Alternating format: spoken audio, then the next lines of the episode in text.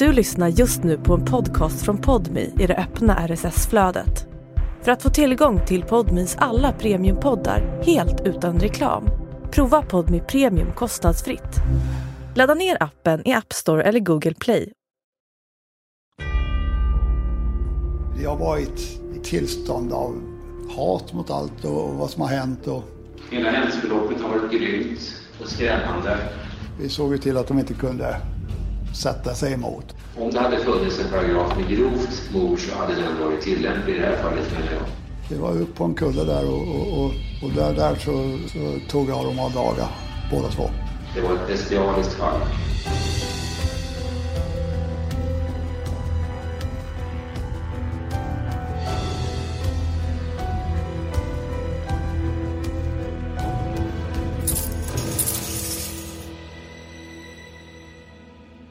Du lyssnar på Bakom galler, en exklusiv podmi produktion där Eva-Lisa Wallin och jag, Hanna Engberg, träffar människor som mördat eller begått andra grova brott. Hur hamnar man i den situationen och hur ser vägen tillbaka ut? I dagens avsnitt intervjuas Peter Grönqvist som sitter av ett livstidsstraff på Kalmaranstalten. I april 2005 lurade han och en medbrottsling med sig en kvinna och en man till ett grustag och slog ihjäl dem. Under rättegången hävdade Peter Grönqvist att det aldrig var meningen att de skulle dö. Han ville bara skrämma paret. Men i Bakom galler berättar han nu att dubbelmordet var en hämnd och att planen var att de skulle dö. Vi varnar känsliga lyssnare för starkt innehåll. Ja, jag heter Peter Grönqvist. 59 år gammal och har familj, fru och två barn och ett par barnbarn. Trivs på Gotland och det är enkla förhållanden, lite lugnare tempo. Det är väl rätt så ordinär gubbe då. Men vi är inte på Gotland nu. Berätta Nej. vart vi är någonstans. Nu är vi i Kalmaranstalten. Här sitter jag då för ett brott som begicks 2005 på Gotland. Där jag eh, var skyldig till att två personer avled, så, som jag tog av daga. Och blev dömd till livstidsfängelse. Nu har det gått ett dygn sedan man gjorde det makabra fyndet av två kroppar i Fröjel. Jag är nu på fyndplatsen. I slutet av april 2005 hittar en grävmaskinist en död kvinna nedgrävd i ett sandtag i Fröjel på södra Gotland. Sveriges Radios P4 Gotland rapporterar från brottsplatsen. Och här har polisen eh, spärrat av ett område på 200 gånger 200 meter ungefär. Och i mitten av det jag ser längst fram längs vägen så är det grustaget där man igår morse först fann en kvinnokropp och eh, sex timmar senare en manskropp, båda två i, i 50-årsåldern. Det hade då gått en vecka sedan paret försvann och polisen Fredrik Persson berättar varför Peter Grönqvist blev misstänkt. Bland annat hade han fällt en kommentar innan kropparna hade funnits att de där får du aldrig se mer. Några dagar efter att kropparna hittats blir Peter Grönqvist och en då 25-årig man gripna misstänkta för dubbelmordet. Båda hade blivit angivna för polisen av den döda kvinnan och hon skulle även ha stulit pengar av 44-åringen. Därför började polisen avlyssna deras telefoner och de fick bland annat höra när 44-åringen försökte sälja berättelsen om mordet till tidningen Expressen. 44-åringen är Peter Grönqvist. Hela händelseförloppet har varit grymt och skrämmande. Offren har fått lida länge och haft dödsskräck. Åklagaren Björn Lindqvist håller ett laddat anförande i rätten om hur paret blir lurade till en plats, bundna och ihjälslagna i grustaget. Det har varit ett skräckscenario ute i mörkret på en avskild plats där de bundna följdes upp i den här ravinen som såg ut som en färdig grav. Och de var inte dumma utan de levde i samma kretsar som, som, som gärningsmännen och de måste ha förstått vartåt det lutade. Ingenting talar för en lindrigare rubricering dråp. Tvärtom, om det hade funnits en paragraf med grovt mord så hade den varit tillämplig i det här fallet menar jag. Det var ett bestialiskt fall. 25-åringen döms för mord och människorov till 10 års fängelse eftersom han enligt tingsrätten varit delaktig i att planera och föra bort paret även om han inte utdelat de dödande slagen. Peter Grönqvist däremot, han får livstidsfängelse. Hej! Eva-Lisa! Tjena Peter! Hej! Vi kommer väl... 15 år efter det brutala dubbelmordet har han ännu inte fått straffet tidsbestämt. Jag har eh, hand om tvätten här i, anstalten. Vi är två man som jobbar i tvätten här. Och vi tvättar ju till alla killarna här. Det är 57 intagna. De har ju då tvättsäckar med all sin utrustning och det. Och vi tvättar ju var säck för sig då. Så vi har tre stora maskiner. Så att Ja, det går ju mycket av dagarna här. går ut och sköta då tvätten och tvättförrådet har vi hand om för byte av eh, kläder och sånt. Då. Så att mina dagar springer på rätt så bra här måste jag säga. Det, det är ett så kallat förtroendejobb det här då. Så vi sköter ju vår arbetstid själva och planerar dagarna och arbetsveckorna själva. Intervjun sker i ett slitet besöksrum och Peter Grönqvist bjuder på sockerkaka som han bakat. En av fyra sötsaker som han som intagen kan beställa ingredienser till och göra. Besöket blir ett avbrott i tvättvardagen, något som han ändå trivs med att göra. Sen planerar vi upp dagen som vi vill ha den. Så att det, det är ett bra arbete tycker jag. Det, jag trivs med det. När jag inte kan göra något annat så, så är det nog ett av det bättre. Så har vi en skola eh, för grundläggande studier och sånt. Och där är väl rätt okej okay, tror jag. Men eh, det bästa jobbet är vi som har de här servicejobben eller förtroendejobben. Då kan man planera och göra som man själv lägga upp det på, på dagarna. Så att, ja, det flyter på bra. Tiden går eh, otroligt fort. Ja, en månad, alltså har det redan gått en månad? Man tänker inte på det, tiden bara far iväg. Så att det, så jag måste ju säga att det, det går väldigt bra. Skötsamma fångar får förtroendejobb och Peter Grönqvist är en av dem. Han har de senaste två åren deltagit i program på anstalten där han har tagit stort ansvar, visat gott bemötande och även skött sina permissioner enligt kriminalvården. Han har visserligen gjort sig skyldig till misskötsamhet vid ett tillfälle men eftersom det handlade om att han tog med sig mjölk från matsalen utan tillstånd lät man det passera utan att ge honom en varning. Men ni är två stycken som har det här. Vad, vad brukar ni prata om på dagarna? Ni måste ju ha varit, tillbringa väldigt mycket tid ihop liksom. Ja, det är ju klart vi gör. Alltså, ja, vi har ju någon liten sån här eh, CD-radio så vi har ju lite musikskivor och grejer och lyssnar på lite musik. Och mycket prat blir ju om eh, olika om man har eh, anhållit om någonting och man får avslag eller man får... Det, det, det är mycket sånt som dagarna fylls av. Liksom, vad man får för beslut i olika ärenden och sånt. Eh. Och sen får man ju hitta på egna saker och försöka sysselsätta sig med. Annars blir det ju dötråkigt. Hur får du tiden att gå när du inte har liksom den här tvättjänsten? Ja, nu är det ju vintersport så att det, det, det, det, tycker jag om att titta på på tv. Så där, där, där ligger man ju bänkad och, och kollar lite. Jag har lyckats och, och, och få ett intresse av att sy. Så att jag har faktiskt sytt med ett par egna brallor nu. Och sen nu på permissionen i torsdag så var jag ute och köpte ett tyg så jag var tvungen att ha en passande skjorta till. Så nu ska jag börja sy en skjorta också. Så att, och det sys för hand varenda stygn för vi har ingen symaskin. Men det är inte de... Det är de, inte det här, det här kriminalvården. Ja, precis. Där, annars hade du broderat det här KV på ja, väldigt ja, ja, intensivt. nej, det vill jag inte ha på mina byxor. nej, det här är par privata byxor, svarta med röda sömmar. Och, och, de är, ja, jag tycker de blir snygga. Så att, eh, första gången jag har gjort no någonting överhuvudtaget då, med nål och tråd. Du har ju eh, inte bara suttit här på Kalmaranstalten under de här åren utan även på eh, andra anstalter. Har du några liksom, vänner som du lärt känna som du har liksom, ja men inte bara så här någon man tjabbar med i tvättstugan eller så utan kommit nära? Ett fåtal. Det är klart man har ju träffat väldigt mycket folk under 14 års tid på olika anstalter och så. Men eh, det är ett fåtal som jag eh, liksom känner att man kanske skulle vilja träffa på utsidan efter att man har blivit frigiven. Eh, det finns, finns några stycken, finns där, bland annat en, två stycken som satt här på Västervik, eller här på Kalmar då innan de renoverade det 2016. Och vi har ju brevkontakt eh, ständigt och så. Vad var det som gjorde att ni kom nära? Du och de här två andra personerna? Nej, men jag tror vi har eh, rätt så lika värderingar på hur man bör bete sig mot andra och hur man ska bete sig överlag i samhället och sådär. Och ja, vi var ju inte intresserade av att sitta och prata brottslighet. För det kan ofta bli så på ett fängelse, och särskilt om det är mycket yngre. Då, då ska det väl hävdas lite och det ska berättas vad bra man är på det ena och det andra.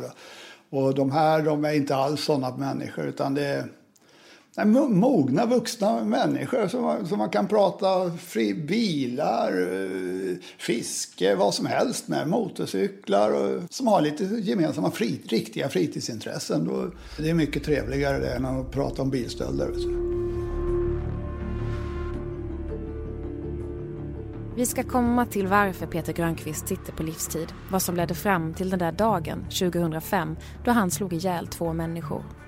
En delförklaring, enligt honom själv, är att han har ADHD. En diagnos som han fick först i fängelset, men som märktes även i unga år. Peter Grönqvist kallar sig gotlänning, men till viss del växte han upp i Stockholmsområdet. Familjen flyttade dit på grund av att pappan fick jobb när Peter Grönqvist gick i grundskolan. Men att bo i ett storstadsområde funkar inte för honom. Egentligen så bodde vi på Gotland eh, lite grann tidigare och, och sen så min, min far fick ett bra arbete uppe i eh, Huddinge och så flyttade vi familjen upp där. Jag passade inte, passade inte att bo i Flemingsberg. Nej, det, det, blev, det blev fel. Det blev smygröka och, och skolka från skolan och springa ut. Och, och, jag mådde inte bra av det, det livet där. Och, nej. Då, eh, då blev det att vi flyttade tillbaka till Gotland sen. Det var ju stor skillnad. Det blev en enorm förändring med skola och, och allting. Ett mindre samhälle, alla känner alla. Och man var med i gemenskapen och det, nej, det, det, blev, det blev helt annorlunda då. Gick väl ut med hyfsade betyg då. Man slutade nian och sånt där. Så att det, ja, gott om kompisar och man var ute och busade lite som folk var på den tiden. Vet du, man var 14-15 år och sånt där. Vad innebär att vara ute och busa? Ja, det dig? var väl allt möjligt. Du vet, det var ju lite med, med moppar innan man var 15 och kanske lite trimmade moppar och lite Ja, man kanske var och vandaliserade någon, någon, någon, någon så här sommarstuga eller något och slog sönder fönsterrutor eller någonting när man var liten. Mycket sånt där alltså, hyss alltså, rent allmänt. Då. Han gick aldrig klart gymnasiet utan hoppade på en arbetsmarknadsutbildning inom hotell och restaurang. Sen började han jobba som kock, bland annat i Göteborg. Och det är då han för första gången kommer i kontakt med den drog som gör att det går snabbt utför, amfetamin.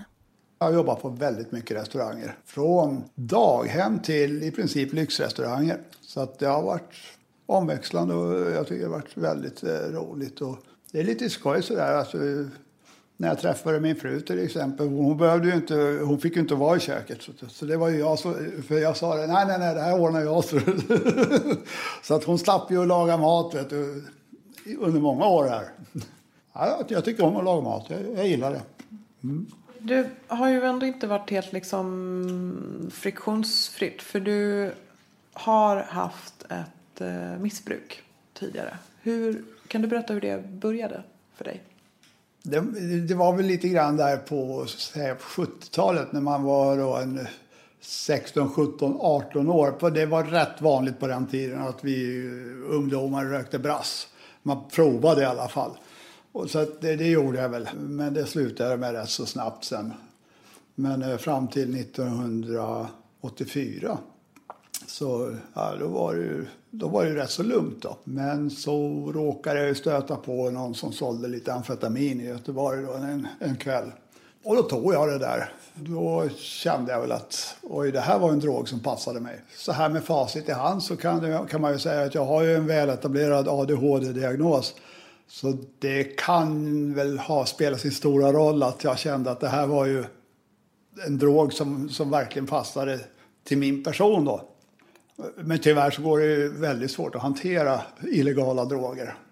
Så att jag gick ju ner mig och blev ju av med lägenhet och jobb. Alltså det blev ju ett riktigt ras blev det. Hur snabbt gick det? Och det gick väldigt fort. Jag tror det, det gick ju på mindre än ett år så var allting borta. Och man gick ju ner i vikt så man såg ut som en eh, koncentrationslägerfånge ungefär. Vet du, man varken åt eller drack eller någonting. Man bara sprang på det där amfetaminet. Så att det, det var ju en hemsk tid egentligen. Kommer du ihåg hur du tänkte den här kvällen då du liksom fick ja, frågan eller erbjudandet hur man ska uttrycka sig? Vad var det som, hur gick dina tankar då? För det här hade du ju inte testat tidigare. Nej, jag skulle egentligen varit ute och köpt en liten bit eh, röka till mig och en kompis då. Men så fick jag inte tag i det. Då fick jag lite amfetamin så vi delade på det, min kompis och jag.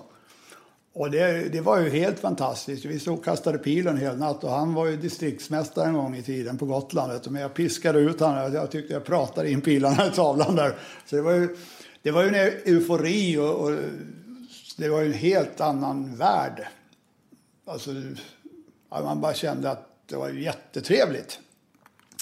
Och det var det ju i, i början.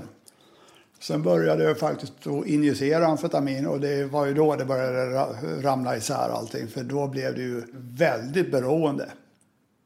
Som jag har upplevt det så är det nog mycket svårare att försöka hålla upp om man injicerar än om man eh, äter eller dricker eller sniffar i sig det.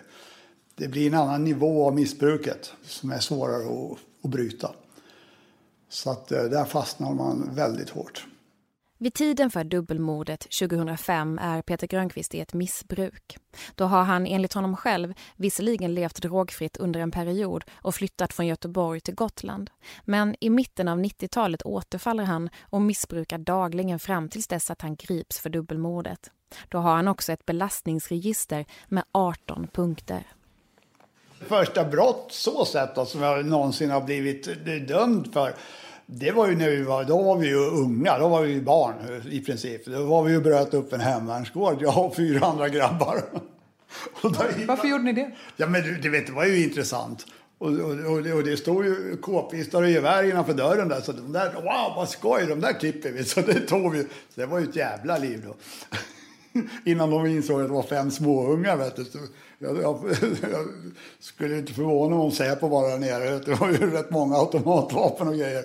Vi tyckte bara var skoj. Vad gjorde ni med dem? Ja, vi, vi, vi, insåg att det här det kommer bli ett jävla liv, så vi, vi grävde ju ner det. Vi fettade in det och grävde ner det. Vi tänkte att det här blir lugnt, så. det blir lugnt. Vi gräver ner det här och gömmer det. Så det är helvete heller. Det tog inte så lång tid innan vi satt inne på polishuset. Hur gammal var du då?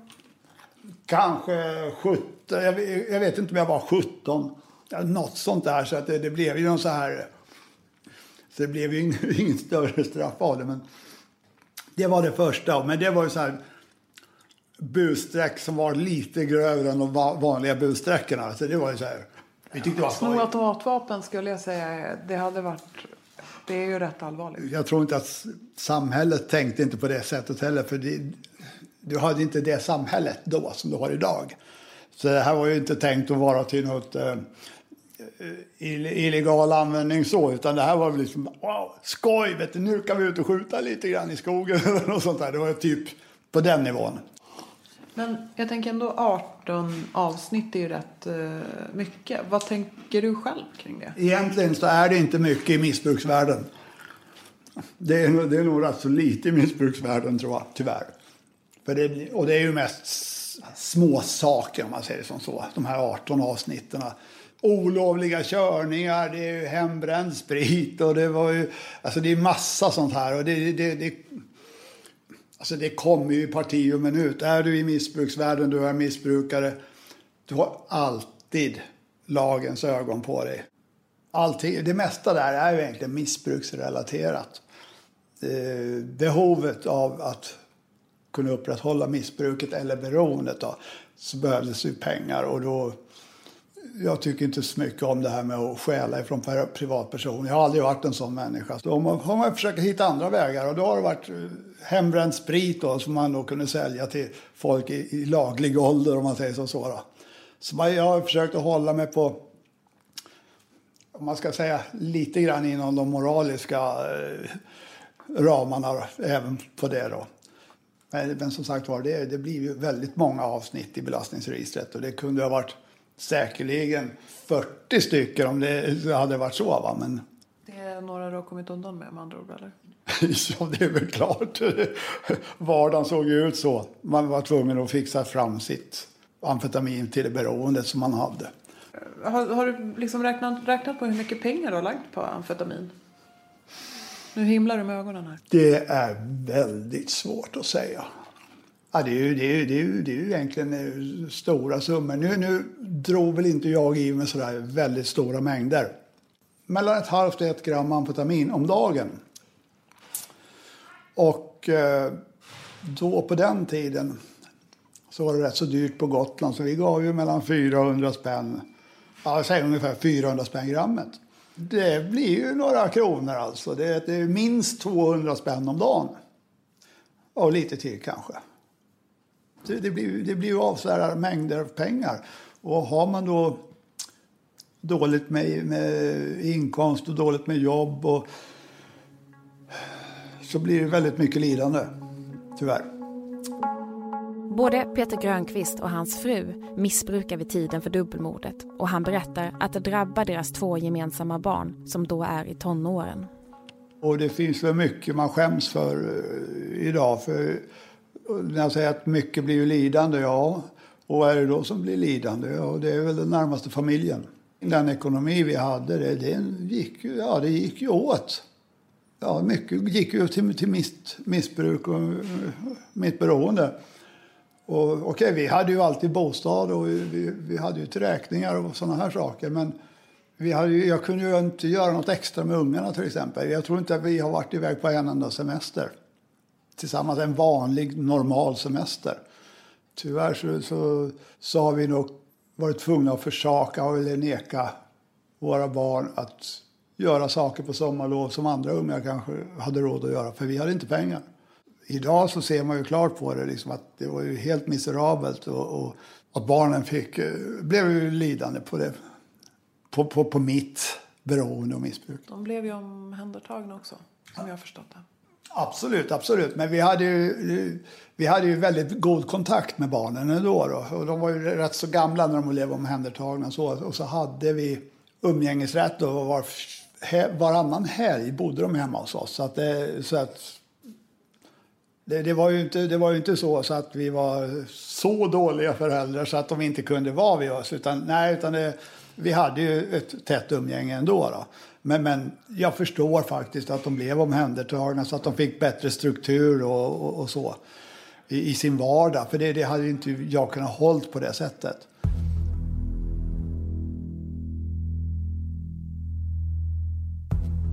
Jag tänkte vi ska prata om den här eh, dagen den 16 april 2005.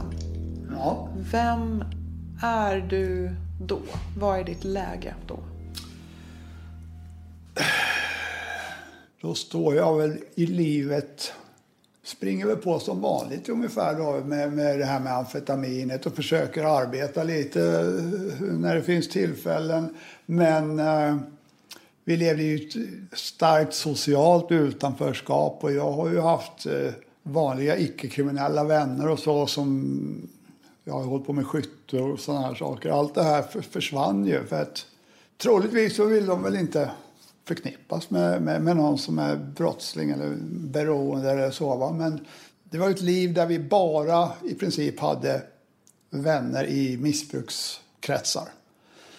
Och jag tror nog att jag tyckte lite illa om mig själv såg ner på mig själv och mina begränsningar och, och, och hur jag var som människa. Och för i missbruksvärlden så är det ju inte så att folk är sådär jätteschyssta mot varandra. Offren, den medåtalade mannen och Peter Grönqvist befinner sig i samma missbrukarkretsar. De kom och ville betala tillbaka en gammal skuld, så ett och ett halvt år tillbaks, amfetamin. Helt plötsligt bara kom de och ringde på dörren för då hade de fått höra att jag hade fått tag i bra amfetamin. Då kom de och betalade lite för att då visste de att de skulle få komma in igen i mitt hem då. Så då betalade de lite grann för den där skulden. Det var inte stora pengar utan det här rör sig om 1500 kronor eller någonting. Men jag fick väl 1000 kronor. Och så hade de en 500 till men de ville ju så gärna köpa lite också. Så, ja, då, ja men visst, det fick de. Och sen så blev det lite mer sådär att ja, men vi skulle vilja ha lite mer. Kan du fixa det? Ja, herregud. Ja, åka över till fastlandet igen då. Men jag ordnade ju det här med, med den kontakten jag hade då. Så jag tog ju båten till Oskarshamn och åkte fram och tillbaka och skulle hämta åt dem. Och då, ja, då fanns det ju inga pengar där på kontot som det skulle finnas. Så då står jag där med, med eh, min kontakt då, som blir sur på mig för att jag inte har pengar att ge honom. Men jag får med mig det här på kredit ändå hem. Och eh, så på ringer min fru och frågar om ja, de, är, de är här igen. Kan du, de frågar om de får låna ett gram tills du kommer hem med det som är deras. Ja, ja, okej, det kan de få göra. Ja, visst. Det fick de göra. Han tar färjan hem till Gotland och börjar ana oråd när båten lägger till. Det var inte som ingen högsäsong precis, det var inte så mycket passagerare. Men då ser jag då de här två som kommer med landgången och reflexvästar. Vet du. Så ser jag två andra personer som står där i, i hamnen där med lite mörkare typ Tensonjackor på sig. Så då fattar jag att det här ser ju inte bra ut. Poliser? Ja, poliser, ja, i hamnen. Jag får ju gå av då, då. Så jag gick av och mycket riktigt var det två kriminalare som stod där. Och de visiterade ju av mig på, efter allt folk hade gått. Så, och de hittade ju ingenting. Och då säger den ena av dem säger så här. Nej du Peter, det här stämmer inte. Du ska ha amfetamin med dig. Jaha, så då tog de upp mig på polisstationen och då när, när de klädde av mig naken då hittade de ju vart jag hade gömt det. Här. Då hade jag tejpat fast det på kroppen. Peter Grönqvist är övertygad om att det är paret som tipsat om amfetaminet, något som bekräftas i morddomen. Enligt domen ska de även ha snott pengar från hans bostad när han sitter frihetsberövad. Men det var amfetamin och inte pengar, berättar nu Peter Grönqvist. Ja, det handlar inte alls så mycket. Det handlar om en, typ 25 gram eller någonting. Så det, det är ingenting i pengar så. Va? Så det inte, har ingen ekonomisk grund det här. Men då inser jag att de har ringt polisen och satt dit mig med deras grejer för att de ska kunna knarka upp det de har stulit. För de visste att jag skulle bli tagen. För att inte jag skulle komma tillbaks på natten och hämta hem mina saker. Va? Då blev det nog lite för mycket. Och då kom väl allt, alla de här känslorna som man kanske har byggt upp under lång tid, väldigt lång tid. Där man har lite grann sett ner på sig själv och föraktat sig själv och man har varit dumställd och man hela tiden har gått på smällar, smällar, smällar och aldrig liksom sagt ifrån. Så att då blev det bara att det blev fullständigt bara tilt i skallen att nu, nu orkar jag inte mer liksom. Det var det jävligaste liksom. Misstanken om narkotikabrott leder till några dagar i arresten men sen släpps Peter Grönqvist och då har han planer på att hämnas. Jag var i ett tillstånd av hat mot allt och, vad som har hänt och, och jag bara tänkte ah, jag tänker inte låtsas som att, det har hänt, att jag vet att det är de som har satt dit mig. De kommer en dag och vill ha mer käk. Så jag väntade ut dem tills de kom och frågade. Och då sa jag, jag kom hem till mig ikväll så ska ni få. Vid åtta ikväll. Ja, ja visst, sa de. Och då kom de ju och då, då väntade jag och en annan medbrottsling på dem. Vi såg ju till att de inte kunde sätta sig emot oss. Så vi band upp dem lite grann och, och så en munkavel och sen ut i bilen och sen åkte vi ut till ett gammalt grustag. Och eh, vi var upp på en kulle där och, och, och, och där, där så, så tog jag dem av daga, båda två. Gjorde jag. Vad tänkte du när den här liksom planen, ja men jag väntar tills de, tills de hör av sig och så bjuder jag hem dem och så mm. gör jag det här. För som sagt, du hade då 18 avsnitt i belastningsregistret. Eh, inga våldsbrott Nej. däremot. Men vad, hur tänkte du kring att liksom faktiskt kliva över gränsen? Att inte bara slå någon utan faktiskt ha ihjäl två personer? Ja, alltså jag, jag har väldigt svårt att förklara hur jag tänkte. Jag vet att jag har tänkt som så att de här två personerna, de var ju väldigt ökända också på Gotland. de drog sig inte för att lura folk och sen kunde de ta emot stryk och sen anmäla den som eh, slog dem. Så att de fick ersättning då för att de har blivit misshandlade. Men det hade de gjort ett antal gånger. Så jag vet att jag någon gång har sagt att det går inte att, att, ge dem någon stryk för då sätter de dit dig. Så att eh, man får ta bort dem. Och någonstans bara kände att nej, jag, jag orkar inte med de, de, de är inte värda det här. Alltså det, vi kan inte leva i det här samhället och ha dem här. Varken jag eller alla andra. Så att det här var för mycket. Jag, jag kan inte hantera jag bara kände att jag, jag, de måste bort. Jag brukar beskriva det som att jag har haft en ryggsäck på ryggen där jag har stoppat all jävla skit som, som, har, som har hänt mig under tio år åtminstone. Och, och sen blev det droppen. Så att de fick ju all skit. Så de fick ju egentligen ta, ta emot allt jag har drabbats av under tio år.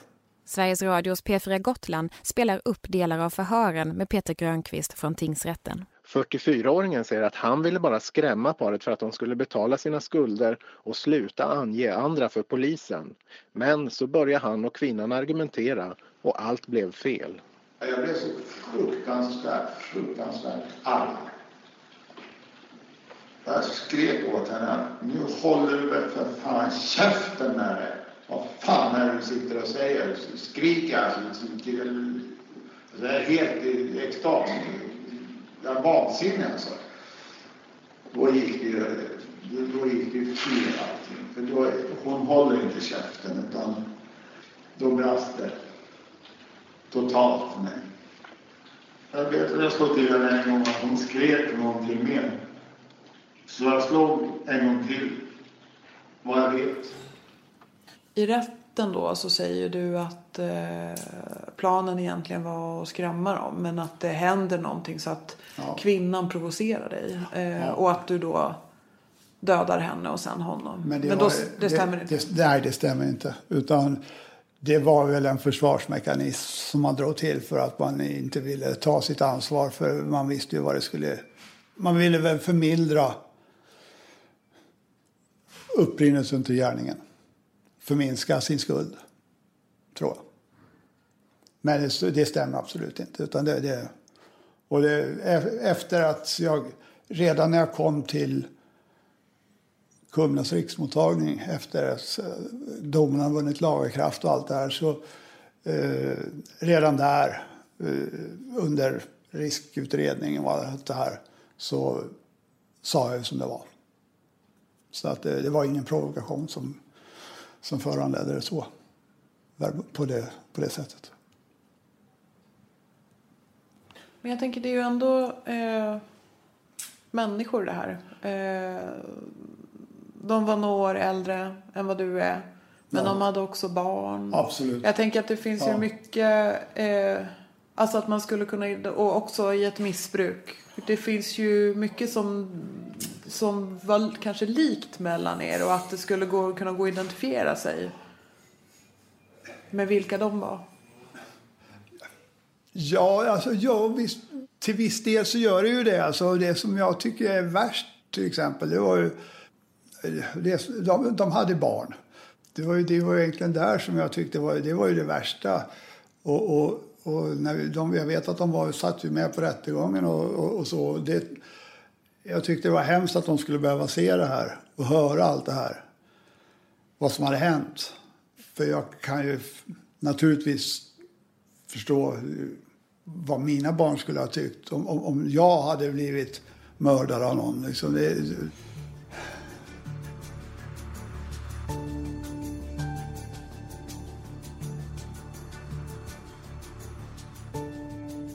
Jag har väl alltid sagt att problem, oenigheter, det löser man sämst om man använder våld. Utan man har ju faktiskt fått en mun för att prata med och kunna lösa saker. Ibland går inte det. Men våld är ändå inte en försvarlig del för att lösa problem. Men här sitter jag nu och har själv gjort det här brottet och gått emot alla mina egna principer och mina egna värderingar. ja, det är en lite svår sits att sätta sig i. Alltså det, och, och liksom, det är svårt att identifiera sig själv med vad man har gjort. När man, när man inte har de grundvärderingarna. Men att det har gått så jäkla fel ändå så att man har gjort något sånt här. Det är, det är en jätteknepig sits alltså. Men, och det är aldrig värt det. det är, jag har fått den frågan många gånger. Tycker du att det var värt det? Nej. Vem frågar det? Det finns olika. Både medintagna, personal har frågat det. Ja, andra, om man har suttit med någon besöksgrupp eller något och så här och pratat eller någonting när man har om man sitter och har något samtal och sånt. Är det värt det? Nej. Och jag förstår inte. Det borde väl alla förstå att värt det? Nej. Det kan aldrig vara värt det att ta en annan människas liv. Inte någonstans är det värt det. Varken för den förövaren eller för offret eller för alla som på något sätt drabbas av en, av en sån här gärning. Det är aldrig värt det. För de som kommer lyssna på den här intervjun så tänker jag att det kanske finns en viss förståelse för missbruket. Eh, missbruk är en sjukdom. Samtidigt så kan jag också tänka att du har ett belastningsregister på 18 avsnitt innan det här händer. Du har funnits i en värld där du inte bara har brukat, du har också sålt. Ja. Så. Eh, det låter låter lite konstigt att du bara har varit en, en undfallande typ som har blivit utnyttjad i den här världen. Jag tror att man bygger upp också en... Man får skaffa sig, om man nu ska kalla det skinn på näsan eller om man ska kalla det att man har ett, liksom, ett kriminellt tankesätt. När man har funnits i den här världen så, så pass länge, så som du ändå har gjort i april 2005. Ja, absolut, absolut. Och, och, och, det är väl klart att någonstans har man väl kanske även blivit influerad av just det här som du säger, man får skaffa sig lite skinn på näsan och så i den här världen och så. Det är klart att jag har ju hela tiden mötts av en omgivning där sånt här förespråkas i princip och som faktiskt lyfts upp som något bra och att man ska, ja, men man ska ge igen och man, så där får man inte göra, det ska straffas. Så, så det är väl rätt så självklart att jag har ju hört det hela tiden. Och någon, kanske någonstans eh, att jag har blivit påverkad av att det är en uppfattning att sådana här saker är okej okay att göra mot de som blåser och så. Men, men, jag känner inte att jag har accepterat det, att det är så. Men det kan ju också ha underlättat att jag faktiskt klev över den skarpa gränsen. Att i min värld så, så, så har man inte känt att man har gjort något sånt där jättefel. Det här sker ju i någon slags skruvad kriminell logik. Absolut. Eh, tänkte du på just det här att nej men jag kanske inte ska åka över och köpa amfetamin. Att jag, jag kanske inte ska handla med amfetamin.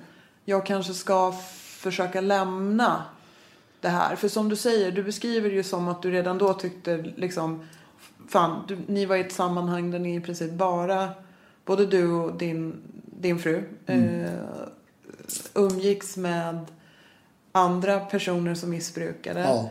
Era barn var omhändertagna även om ni hade mm. liksom kvar en kontakt. Men ändå så här, omhändertagna i en rätt känslig ålder, tonåren. Ja. Liksom. Oh ja.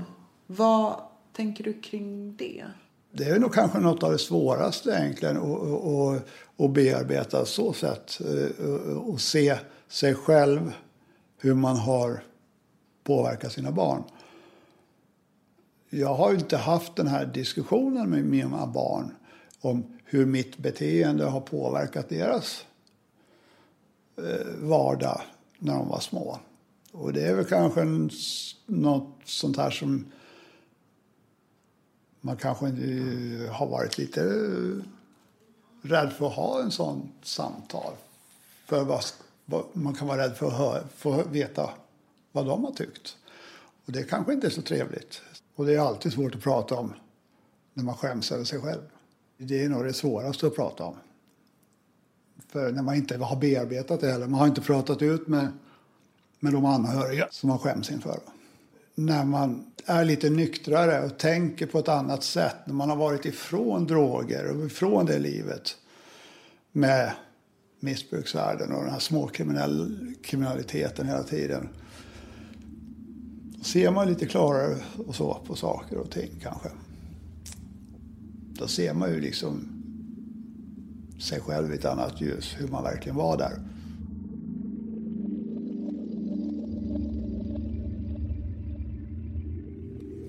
Du sitter ju på livstid och har ansökt om eh, att få straffet tidsbestämt för eh, tredje gången.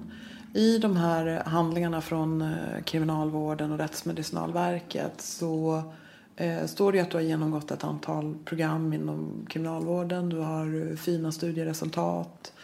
Eh, men det står också att du har en medelhög risk för återfall i brottslighet. Att du har en tendens till att bagatellisera det du har gjort och även att du har en förmåga att anpassa dig lite grann. Jag tror inte det står så rakt ut men lite grann anpassa det du säger efter vad du tror att någon vill höra. Att man därför tvivlar på om din förändring att vilja leva eh, att vilja leva lagligt och att ta liksom, missbruket på allvar det missbruk du har haft tidigare på allvar. Att man tvivlar lite mm. på det. Eller tvivlar rätt mycket på det. Du har ju fått två domar där det har blivit avslag på att du har inte fått tidsbestämt utan fortsatt livstid så att ja. säga. Vad tänker du själv kring det nu när liksom tredje ansökan är, eh, processas? Ja, det är, de två tidigare, de egentliga skälen där, det är ju att de har ansatt, ansett att straffvärdet för det brottet jag har begått. Det är så pass högt så att det var för tidigt att överhuvudtaget tidsbestämma straffet. Så är det ju också. Samtidigt så finns också de här tvivlen på att det är liksom en genuin förändring som har skett. Eh, ja, det står väl så i lite papper. Nu vet ju inte jag faktiskt om du har läst det sista från Rättsmedicinalverket i oktober. Senast har ja. Har. För där framgår väl kanske lite mer att, att de uppfattar mig som ärlig när jag berättar vad jag tycker. Även om det är saker som inte är i min favör så, så, så jag försöker ju inte hålla undan någonting. Och det, det, tycker jag är rätt så schysst att de skriver det också. Det är ett så allvarligt brott som jag har begått. Och det är väl väldigt få människor som begår ett sånt allvarligt brott.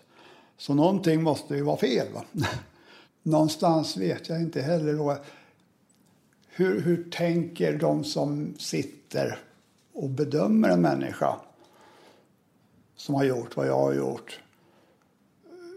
Och hur mycket påverkas deras bedömningar av vad tidigare bedömare har sagt? Sen är det väl egentligen bara tiden som kan utvisa vem som har rätt. Om de eller jag har rätt. För att jag, jag, jag har ingen som helst önskan eller vill tillbaka till den världen överhuvudtaget som vi har levt i. Tidigare i mitt liv så har jag sagt att jag inte ville sluta med narkotikan. Det hade jag faktiskt sagt rakt av. Jag ville aldrig sluta med amfetamin. Men eh, jag har ingen som helst önskan att ta amfetamin igen i mitt liv. Jag har blivit erbjuden många gånger in på anstalt. Jag har sagt nej varenda gång för jag har bara tänkt nej. Inte tillbaka där i den. Det är inte värt det. Hur många gånger då? Oh, det vet jag inte. Men det, det, anstalter i Sverige är inte narkotikafria. Det kan jag garantera. Och, och, man blir erbjuden, alltså det blir man. Både röka och amfetamin. Det, det, det finns. Även här i Kalmaranstalten? Det finns det säkert. Det, det vet, vi talar inte så mycket om vad som finns och inte finns. Men jag säger att det finns narkotika på alla anstalter i Sverige. Har du blivit erbjuden senaste året? Nej, inte senaste året. Det har jag inte. Jag tror nog att de flesta vet att jag inte vill ha.